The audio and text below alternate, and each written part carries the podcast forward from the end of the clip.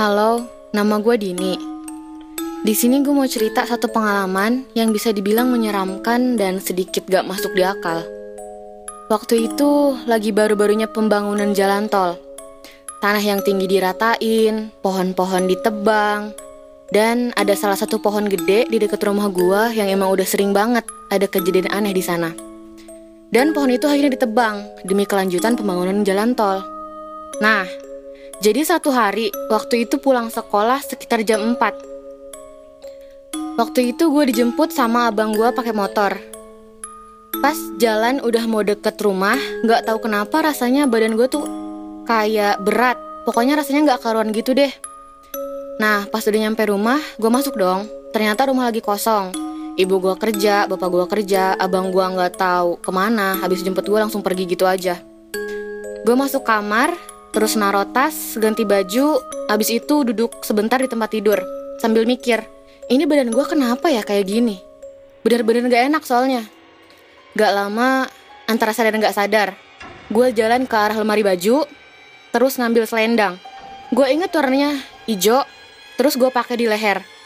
Gue sangkutin gitu. Terus gue jalan ke ruang tengah dan di sana gue mulai nari, nari tradisional nggak tahu apa. Dari situ semuanya jadi gelap, gue nggak inget apa-apa. Pertamanya hening, terus nggak lama gue mulai dengar suara-suara orang yang manggil nama gue. Tapi semuanya masih gelap.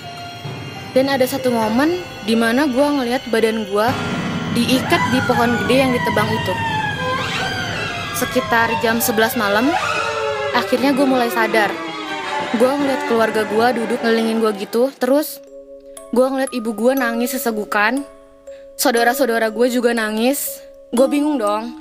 Di situ mereka belum cerita, mereka nyuruh, nyuruh gue istirahat. Dan karena gue juga ngerasa capek, pokoknya gitu deh. Gue ikutin saran mereka buat istirahat.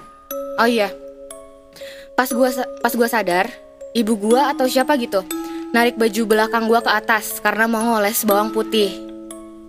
Dan di situ semua orang kaget, soalnya ada kayak telapak tangan gitu dan ukurannya nggak manusiawi. Besoknya, gue diceritain sama salah satu saudara gue. Katanya semalam gue kerasukan. Awalnya dia ngaku sebagai cewek yang namanya Ruth. Tapi orang yang emang ngerti begituan gak langsung percaya sama dia. Dia terus ditanya, didesak, sampai akhirnya dia ngaku kalau ternyata dia penunggu pohon gede yang ditebang itu. Terus saudara gue juga bilang, makhluk hitam itu mau pergi, ninggalin badan gue dengan satu syarat. Keluarga gue harus cari pohon pengganti buat dia tinggal. Pohon itu nggak boleh ada yang nempatin selain dia. Dan mau nggak mau dong, keluarga gue, keluarga gue ngikutin apa mau dia. Keluarga gue nyari pohon dan makhluk itu akhirnya pergi. Dan hal yang selalu gue ingat sampai sekarang adalah